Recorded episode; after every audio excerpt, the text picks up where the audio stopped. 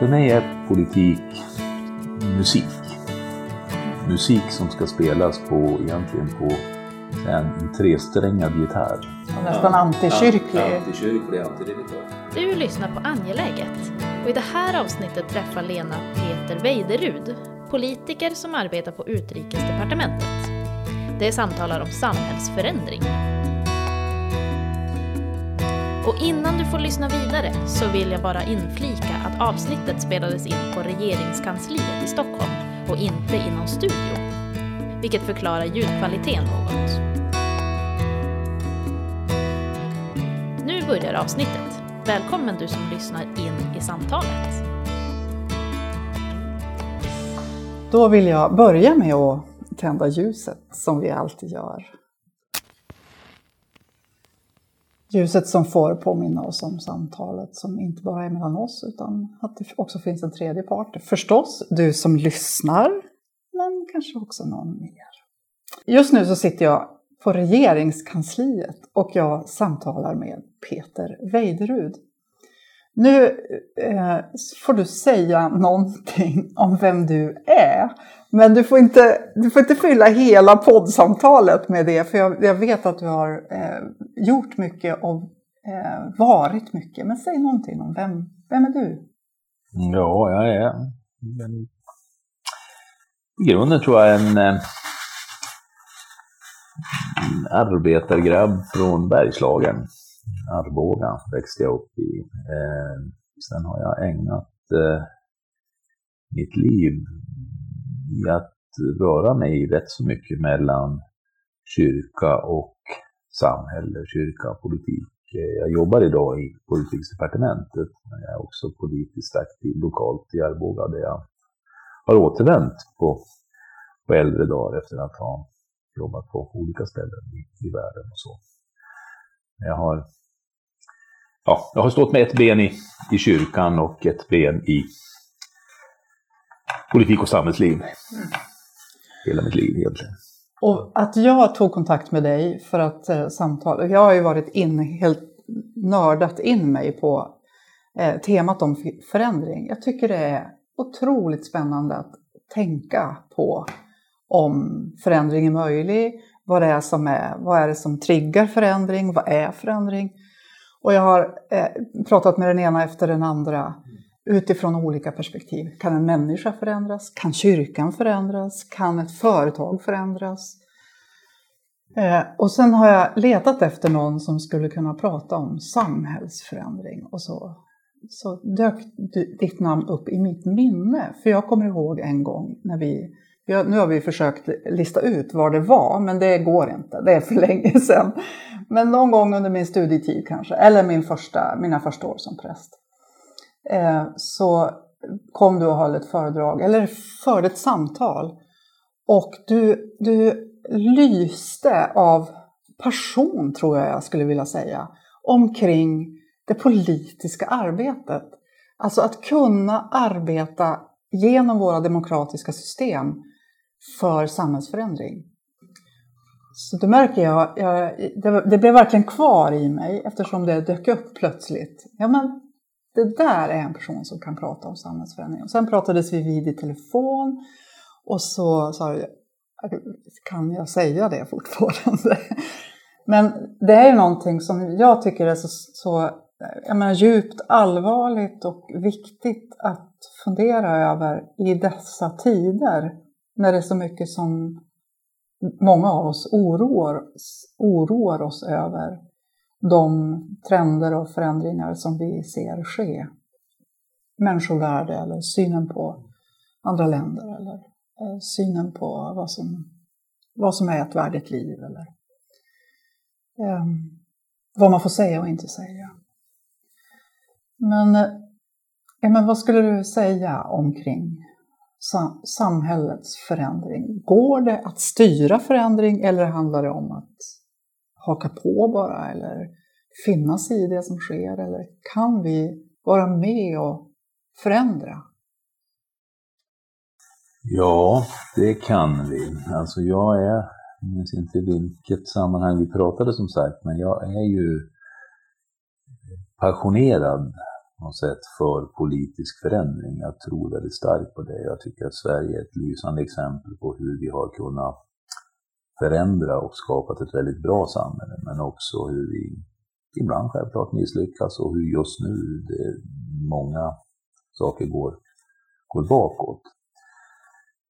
Om jag ska försöka beskriva vad, hur jag ser på politik, så för mig är politik säga, musik. Musik som ska spelas på, egentligen på en, en tresträngad gitarr. Där, där alla tre strängar måste vara med. Om man bara spelar på en sträng så, så fungerar det inte. Men, men, kan man få till det på, på alla tre strängarna så, så kan man så att säga, skapa, skapa förändring.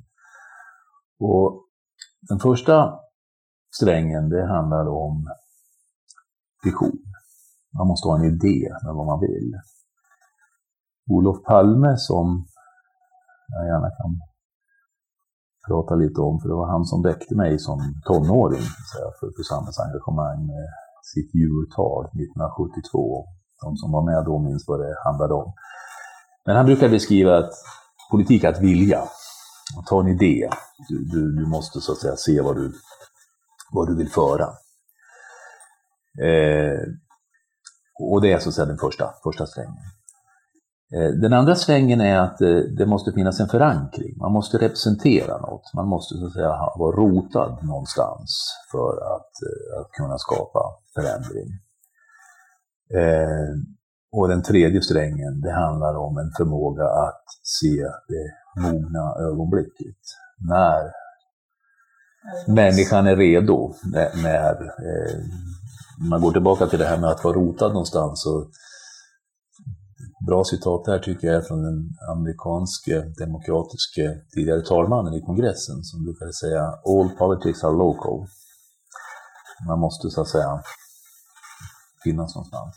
Men det mogna ögonblicket och, och, och det, eh, det tror jag är tydligt för väldigt många att rätt vad det är så inträffar det någonting som gör att eh, vi är beredda att röra på oss Eh, ja, ett, ett, ett moget ögonblick för en förändring som jag inte var så förtjust i kanske, men, men, men som ändå illustrerar just det mogna ögonblicket. Det, det var ju förändringen i synen på säkerhet och sånt som inträffade efter Rysslands invasion av, utav Ukraina. Vi säga från en väldigt trygg position av militärt alliansfrihet vill, vill, gå in, vill, gå, in, gå in i en allians och, och då göra en dramatisk förändring. Det, det, det var ett, på ett sätt ett moget ögonblick. Men om man, om man bara spelar på en sträng, alltså är du bara, gräver du bara på din vision så att säga, så, så riskerar du som politiker att bli moralist. Du, du, du målar upp någonting som som du vill och du tjatar om det. Men, men eh, det, det räcker inte med, med, bara det. Och den som bara så att säga, pratar utifrån det snäva egenintresset eller den lokala eh, egenintresset, den blir i bästa fall någon slags gråsosse så att säga. Det, det, det, det är tråkigt och det, det må vara förankrat men det leder ingenstans, det skapar ingen förändring. Men det värsta politikern är nog den som bara spelar på strängen om det mogna ögonblicket. För det gör populisterna. Man känner var det blåser någonstans och sen så kommer man in där. Och det kan liksom leda oss i princip var som helst. Och ser egentligen ingen större skillnad på, och det gör jag kanske, jag har ju hjärtat mer till vänster så att jag ser ju högerpopulismen förmodligen som mycket allvarligare. Men, men i grunden så är handlar politik handlar om att bygga institutioner för att, så att säga, lösa problem för människor. Eh, populismen river institutioner. Den har ingen respekt för institutioner. Så den, den, den, den så att säga, spelar på andra sidan. Eh, institutioner kan vara mänskliga rättigheter som, som instrument. Det kan vara bra skattesystem. Det kan vara EU-samarbete, FN, diskussioner. Och sånt. Men får du till då alla de här tre strängarna, när du har en vision, du vet vart du vill, du är förankrad, du har så att säga någon med dig, du, du representerar ett sammanhang och du förstår när det ska ske. När det är dags att, att driva, driva en fråga, då, då är politik fantastisk. Då sjunger den, då är det musik där och då, ska, då kan man skapa förändring. Det där med förankringen, kan du säga mer om det? Alltså är det en ja, men lokal förankring, är det en bygd då? Eller är det ett... Det kan ju, se, kan ju se ut på olika sätt. Alltså våra, vårt partiväsen det bygger ju på, på olika förankringar. Jag är ju socialdemokrat och det är ju på något sätt historiskt grundat i, i den organiserade arbetarrörelsen, fackföreningsrörelsen, att förbättra villkor för, för, för arbetarna. Eh, men också har, har vidgats. Jag var ju då under många år eh, ordförande för det som då när jag började hette Broderskapsrörelsen och när jag slutade hette Socialdemokrater för tro och solidaritet. Som ju då var ett sätt att samla ja, socialdemokrater som har en tro. Och den bildades ju därför att eh, socialdemokratin i, för hundra år sedan ungefär var eh, väldigt sekulär. Den var väldigt och nästan an, antikyrklig. An, antikyrklig, antireligiös. På goda mm. grunder kan man väl också säga. Mm. För att kyrkan motsatte sig ju då mycket av de samhällsförändringar som man ville driva. Men det såg olika ut på olika ställen i världen. I Tyskland, som har format väldigt mycket ideologiskt av Marx, han var ju tysk, så, så blev den ideologiskt väldigt sekulär. Och Sverige kom att påverkas väldigt mycket av Tyskland vid den här tiden. I England så hade man en helt annan tradition. Det var eh, inte minst Frälsningsarmén och även metodismen väldigt närstående arbetarrörelsen och drev liksom samma krav. Så där, där fick man aldrig någon spänning mellan, mellan kyrka och arbetarrörelse. De gick snarare hand i hand. Men i Sverige så fick vi en spänning och det innebar att eh, de som var som jag, så att säga, kristna socialister, de blev illa sedda i kyrkan för att de var för röda och så blev de illa sedda i arbetarrörelsen för att de var för kyrkliga eller för jag kunde inte lita på dem så att säga. De hade någon annan lojalitet också. Och det är ju viktigt.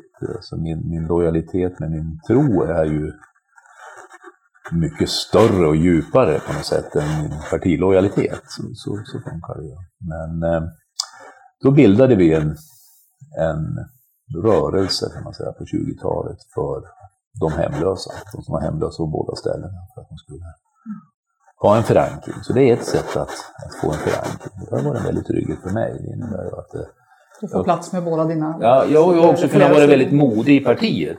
För att jag har haft då, så att säga, en, en bas utav likasinnade som har backat upp mig när det har blåst till exempel. När jag har haft ta sådana såna strider, vilket man får göra ibland. Mm.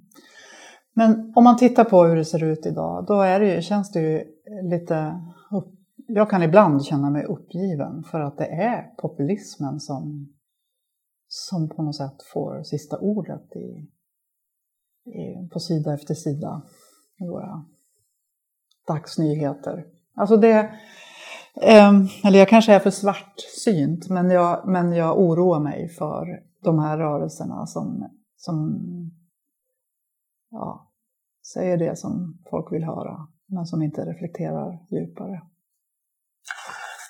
Ja, nej, jag, jag håller med dig och jag, jag, eh, jag är också oroad. Samtidigt så är det ju så att den här organiserade populismen, alltså tar Sverigedemokraterna som gör ett parti som är grundat av nynazister som har en fullt rasistisk agenda, väldigt flyktingfientlig och ett budskap som ju ja, är väldigt starkt emot min, min kristna tro och min erfarenhet. Så, så omfattas ju den då ungefär utav 20 procent av, av Sveriges befolkning. Men det innebär ju att eh, 80 procent är ju inte där. Och, och, ändå så finns de då nu i makt i, i regeringskansliet. Så de sitter inte i regering, men de utgör regeringsunderlag och har väldigt stort inflytande. De finns lokalt där jag bor och har ett stort inflytande. Där i mitt valdistrikt som är Arbogas landsbygd så har de 33 procent av rösterna. Det finns inga invandrare där, det finns inga gängbrottslighet där heller vad jag vet. Men ändå så, så finns det en rädsla som gör att människor röstar på dem. Det är allvarligt i sig. Men det riktigt allvarliga är ju, och det tycker jag, om man tittar ut över, över världen, så, så är ju det allvarliga när så att de normala partierna utifrån en önskan att få, få makt sluter avtal med, med populismen och då gör att populismen hamnar i majoritet. Alltså från 20 procent till drygt 50 procent så är det 30 procent och det är ju någon annan som tar ansvar för de 30 procenten. Det är så vår demokrati fungerar. Och det är där man på kort sikt tycker jag måste fundera över vad, vad som händer och, och hur den förändringen sker. Alltså önskan att, att få makt blir så, så, stark ja. så att man, man, är beredd så att säga att se mellan fingrarna. Och, och, då är det bara en sträng egentligen, eller hur? Utifrån det där tresträngade ja, instrumentet. Det, är det, det, det, kan man väl säga. Alltså det, det är den här, den här ja, så här, känna vad, vad folk tycker och sådär. Alltså, vi hade ju då en valrörelse i år som ju inledningsvis kändes bra, tyckte jag. Alltså, vi pratade väldigt mycket om klimatfrågor som är en sån här fråga som, som jag tror är oerhört viktig för, för den yngre generationen inte minst. Och där jag själv känner att det här har vi under lång tid brustit i ansvar i, i vår, vår samhällsbyggnad. Och sen plötsligt på slutvarvet så kom det istället att handla om billigare diesel. Mm, och det är klart, då, då hände det någonting där som, som, som gjorde att ett stort flöde av människor så att säga tappade ett djupare perspektiv och såg till någonting väldigt mm. snävt och närliggande.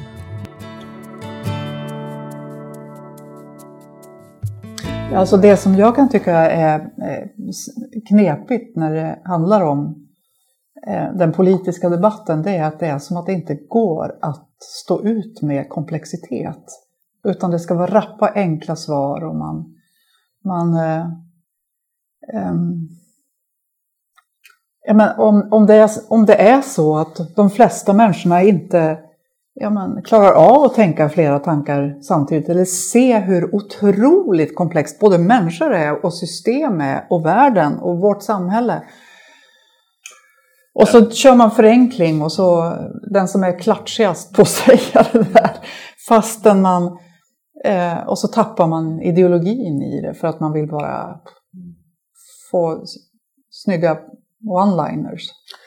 Jo, men politik handlar ju i och för sig om att förenkla, att, så att säga, förstå en komplexitet men göra det begripligt och, och, och, framställa på något sätt krav som, som gör att människor får förtroende för partier och röstar på dem. Så att det, politiken ligger ju nära den här förenklingen i, i sitt väsen på något sätt. Och, men det som har hänt, som jag tror är, är väldigt svårt att eh, enkelt hitta en svar på, det är ju att eh, vi har fått ett helt nytt kommunikationsklimat.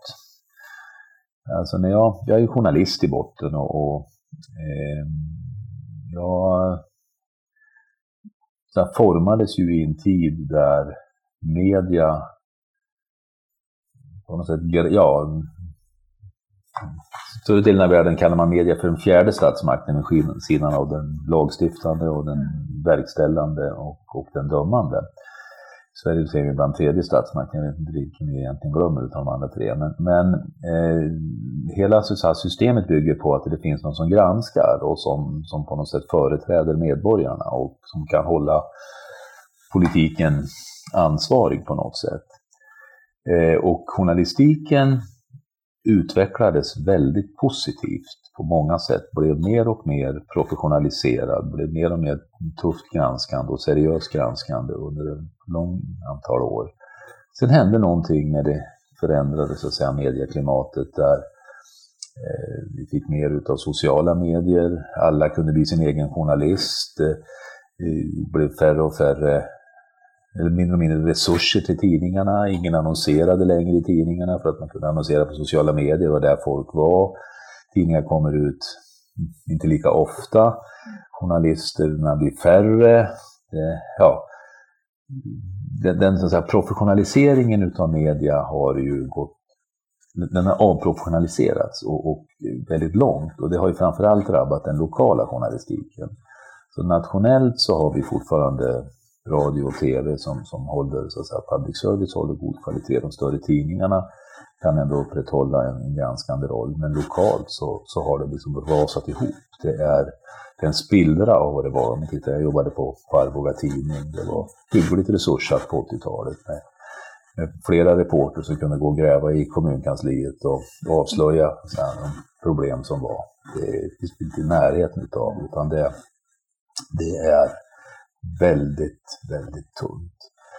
Och samtidigt så innebär det då att det färre och färre bryr sig om vad som står i de där media.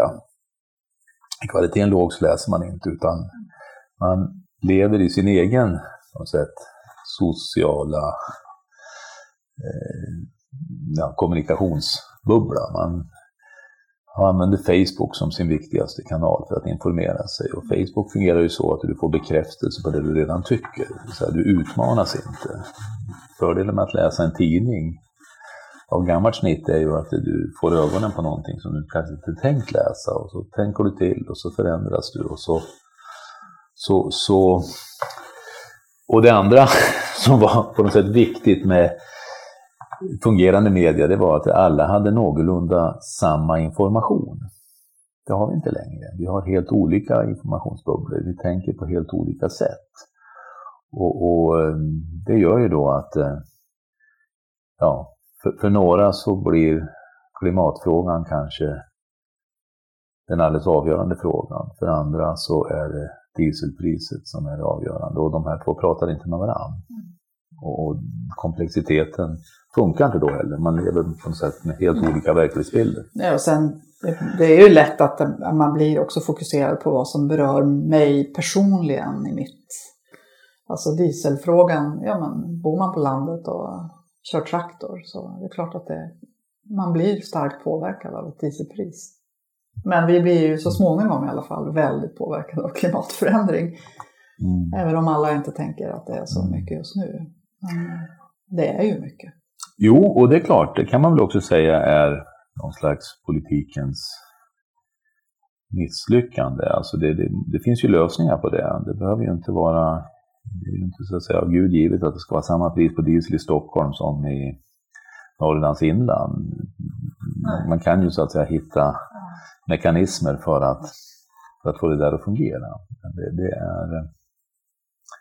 Men det som, alltså det som jag kan tycka är kanske något av det mest allvarliga är ju, alltså om vi bara går till klimatfrågan, hur enskilda eh, människor som tänker bara så här långt till näsan ungefär och inte tänker på nästa generation eller hur det blir för världen.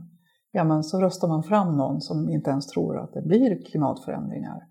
Och sen så och det finns inget, riktigt, inget parti som riktigt tar kommandot och säger det här måste... Och egentligen så borde det ju vara alla partier borde eh, verka liksom, med, med stora släggor för att förändra, för att vi ska klara, för att vi ska överleva. Och så blir det, ja men jag vill ha makt och så gör man som folk vill fastän folk inte kan få lov att bestämma. Nej, men så är det. Så är det. Och jag sa förut att det är, det är viktigt att bygga institutioner.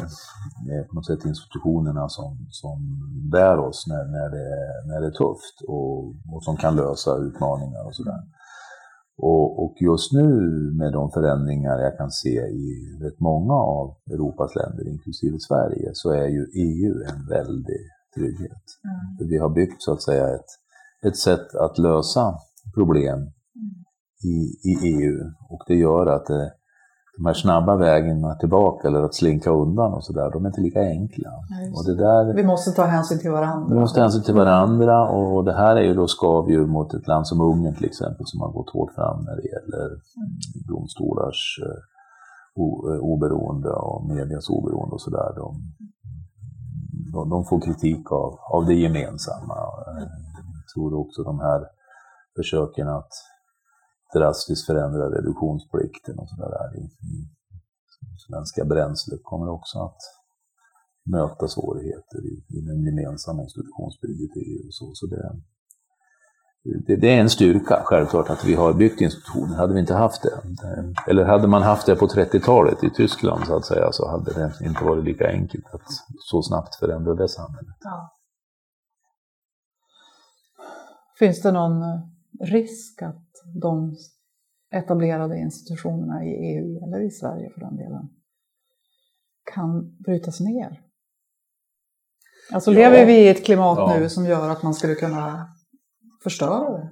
Ja, alltså politik är ju, alltså majoriteten bestämmer ju och eh, det som gör EU starkt i sådana här lägen det är ju att eh, det, det måste ju då till, ja, mm. det synpunkt som du och jag är eniga om här, den, den negativa majoriteten måste ju då säga, finnas samtidigt i väldigt många länder för att det ska, det ska gå åt fel håll. Och den, den, den risken kan man ju inte utesluta. Men, men eh, så att Sverige har ju legat på framkant när det gäller klimatförändringar och varit så att säga, ledande nu tappar vi, taggar vi ner på det så att säga. Då är det andra som, som kliver fram och då, då bär vi varandra. Så nu får vi då som tycker den här frågan är viktig, vi, vi får hjälp av andra, andra länder.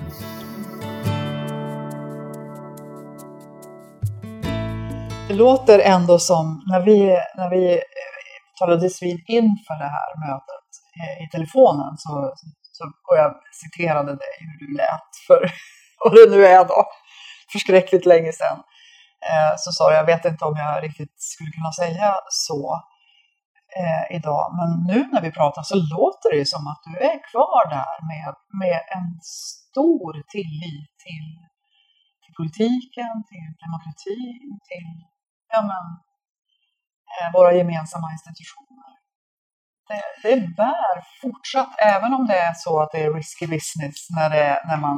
Ja, liksom... jo men jag tror det. Alltså, om jag får ta ett eget väldigt aktuellt exempel så, så i Arboga, där jag bor och verkar, så ville då majoriteten som består utav socialdemokrater, nej förlåt, utav moderater och sverigedemokrater med stöd då från den politiska mitten, Centern och Liberalerna och Kristdemokraterna, som alla är väldigt små, men de andra två är då så stora.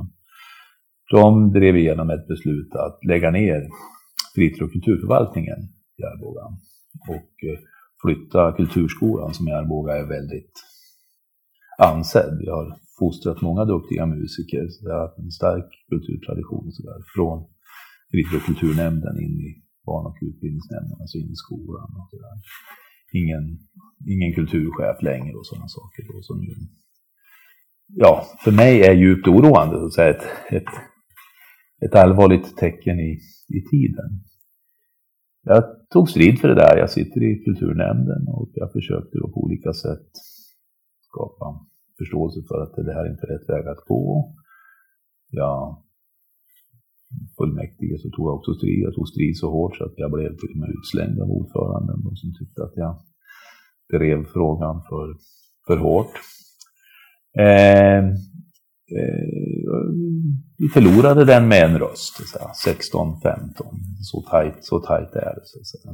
Eh, Eh, jag överklagade till förvaltningsrätten därför jag tyckte inte den beslutet hade gått rätt till. Man hade fattat besluten om nedläggning i kommunstyrelsen. Det är en principiell fråga. Den måste upp i fullmäktige där det finns insyn, där folk kan så att säga bli klara över vad som har hänt. Man hade heller inte lyssnat in fritid och kulturnämnden som då på något sätt avlövades utan att man, man brydde alltså man, man agerade kort sagt oerhört arrogant. Så att säga. Trots att det bara var en röst så, så använde man liksom kraften för att driva igenom då någonting som man man ville göra och som många i Arboga är väldigt bekymrade över. Jag överklagade till förvaltningsrätten och de gav mig rätt och beslutet hävdes. Alltså då, då finns en institution där som gör att det, det går att få ändring och få stopp. Men hur länge finns den institutionen där? Och alltså, även institutionerna anfräts ju som du säger. Ja. Eller om du, det var inte du som sa det, var mitt ord. Men, men institutionerna förändras. Så det är klart att eh, det vi såg i Tyskland på, på, på 30-talet var ju att eh, institutionerna successivt monterades ned och väldigt, väldigt systematiskt. Eh, det måste vi då vara väldigt vaksamma med. Jag såg att eh forskarna i dagarna, eller forskar, starka forskargrupper gick ut och protesterade mot en förändring som regeringen nu föreslår om att förkorta mandattiden för universitetsstyrelser från tre år till 17 månader för att kunna då förändra så att säga styrningen av universiteten. Eh, forskarna ser ju då en, en, en, väldigt ja. stor risk att det, den akademiska friheten kommer att förändras. Eh, och, och, och, och det, det, gör ju att man, man ställer sig upp så att säga. Och det, det, är klart att här kommer man att få stöd utav den politiska oppositionen som också ser det här. Men den politiska oppositionen kommer inte ensamt att orka möta alla dessa förändringsstrider, så att säga, utan det är väldigt viktigt att kyrkan finns där, protesterande människovärdet hotas, akademiker finns där och inte minst så är ju då rättsväsendet och media oerhört viktiga idag, att det, det orkar stå emot och på något sätt driva den grundläggande principen. Sen kan man ju också tänka att, ja, men, att det är en slags pendelrörelse. Att ja, men, det kanske går för mycket åt ett håll och då behöver pendeln slå tillbaka till ett annat håll. Så att det också finns någonting i det där. Jag vet inte, jag kanske är för positiv nu. nej, men att det, fin- att det, att det inte ja. behöver bli farligt om det går, liksom, ja, men man lägger ner eller man förändrar eller sånt som vi man skulle kunna, om man litade på forskning kan man ju verkligen säga vi ska inte lägga ner kulturinstitutionerna. Vi ska inte sluta ha musikundervisning på grundskolenivå eller vad det nu är. För att vi vet rätt väl om vad det betyder och så. Men, eh, Jo, och det, det, är klart att det här kan vi ju ha lite olika syn vad som är viktigt. Så, men, men för kulturfrågorna är ju centrala och, och det, det, är ju en här är ju då mot, mot högerpopulismen inte minst så är ju då diskussionen kring kulturens roll och så en, en, en avgörande fråga. Men det är klart att om det då skulle vara så, men det, men det hinner gå långt om det är så att man monterar ner för mycket.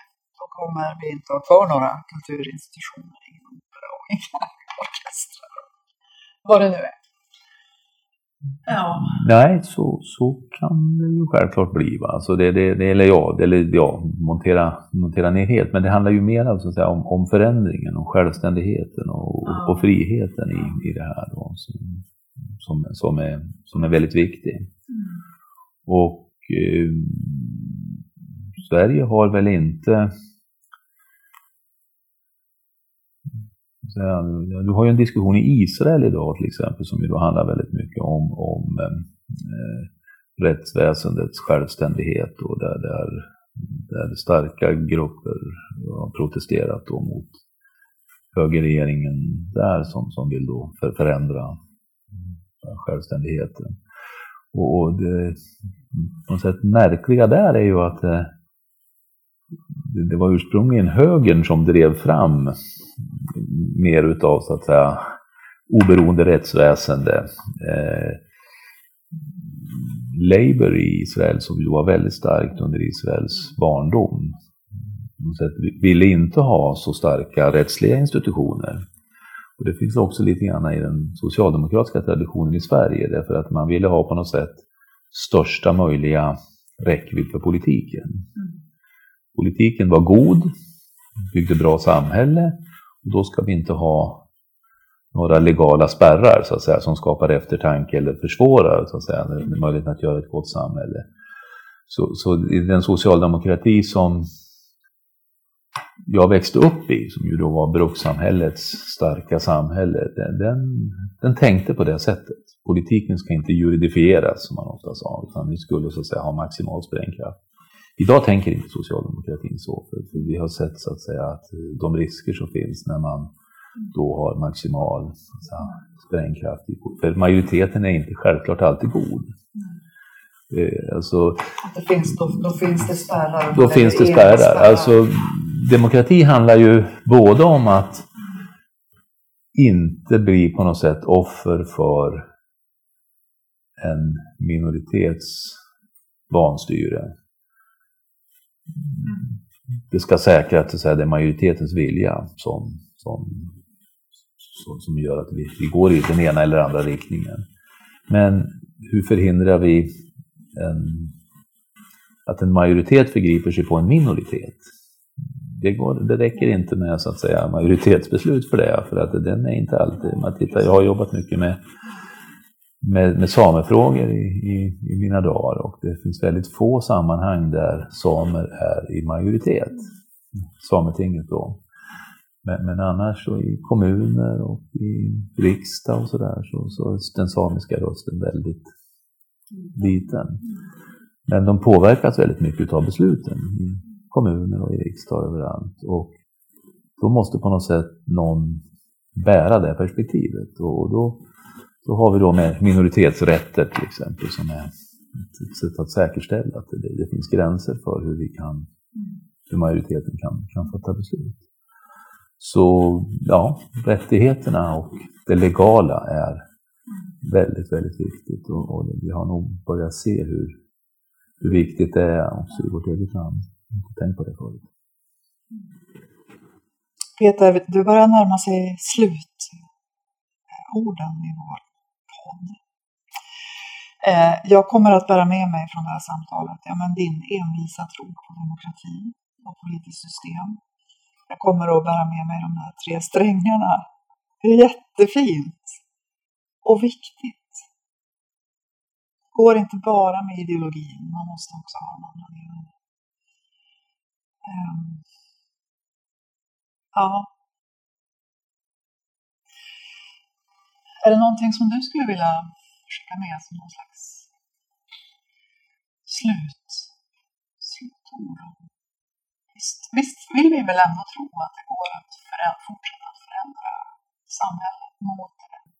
Absolut, absolut. Vi äger ju, vi äger ju vår egen framtid. Och, och, jag är ju i grunden väldigt hoppfull till den yngre generationen. Jag hade lite diskussioner med det. Jag var på en sån här distriktskongress i här innan man uttryckte, i socialdemokratin, när man uttryckte oro för att eh, ungdomar röstade så höger i det senaste valet. Och det må vara så att det var många ungdomar som röstade ungefär lika illa som, som vuxna.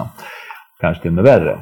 Men i grunden så tror jag att eh, ungdomar, dagens ungdomsgeneration, om man ser på mina egna barn, så är man ju mycket mer jämställd, mycket mer internationell, mycket mer tolerant, mycket mer klimatmedveten, eh, eh, mycket mer öppen än vad min generation var. Och, eh, kan man bara liksom ta vara på den positiva energin. Eh, jag minns jag var på väg på väg skulle hålla ett, ett föredrag om Jordanien för några år sedan om eh, ungdomar, fred och säkerhet. Alltså det finns en här FN-resolution om ungdomar, fred och säkerhet. Som är en samling med ungdomar från hela Mellanöstern som jag hade lovat att medverka i. Och eh, jag hade då målat upp ett ganska negativt scenario. Det här var precis när Trump hade tagit makten i USA. Det var precis när Brexit hade hänt i Storbritannien, alltså två så att säga, händelser som tydligt drev i, i, i, negativ riktning när det gäller de frågor som, som var viktiga för, för, för, för ungdomar. Och det som jag då trodde skulle hända, det var också att vi skulle få en president i Österrike så att säga, av samma... Det, det, det, var, det var ett omval i, precis, och precis när jag landade så visade det sig att det hade, det hade inte gått som väntat i Österrike. Istället för då den högerpopulistiske presidenten som, som alla trodde skulle vinna så hade en grön president som stod precis motsatsen eh, vunnit istället. mycket förvånande. Så då, mitt tal funkar ju inte då, för jag hade ju liksom, det hade gått, det hade gått fel. Så, jag, så snabbt så ringde jag runt till mina vänner som kan Österrike och österrikiska vänner. Och så, vad hade hänt? Vad, vad, vad var det? Jo, det visade sig att eh, de som hade mobiliserat och gått och röstat, det var framför allt kvinnor under 29 år. Det var ungdomarna, det var kvinnorna och också kvinnor med, med utbildning som, som, i hög grad liksom, som då till 100 procent stod på andra sidan. Alltså det är ju så att den här högerpopulismen attraherar män mer än kvinnor. Den attraherar outbildade mer än utbildade. Den attraherar äldre mer än yngre. Och den attraherar på landsbygd mer än i urbana miljöer. Eh, så det går ju åt rätt håll av sig själv, så att säga. De, de yngre ändrar sig förhoppningsvis inte när de blir lite äldre. Och så får vi ett verkligen bejaka den livskraft som man är bärare av. Så jag är i grunden hoppfull, men det hindrar inte att det, vi har väldigt allvarliga allvarligt läge. Allvarligt läge. Mm. Tack Peter för nu. Fint att få möta dig igen och samtala. Tack du som lyssnar.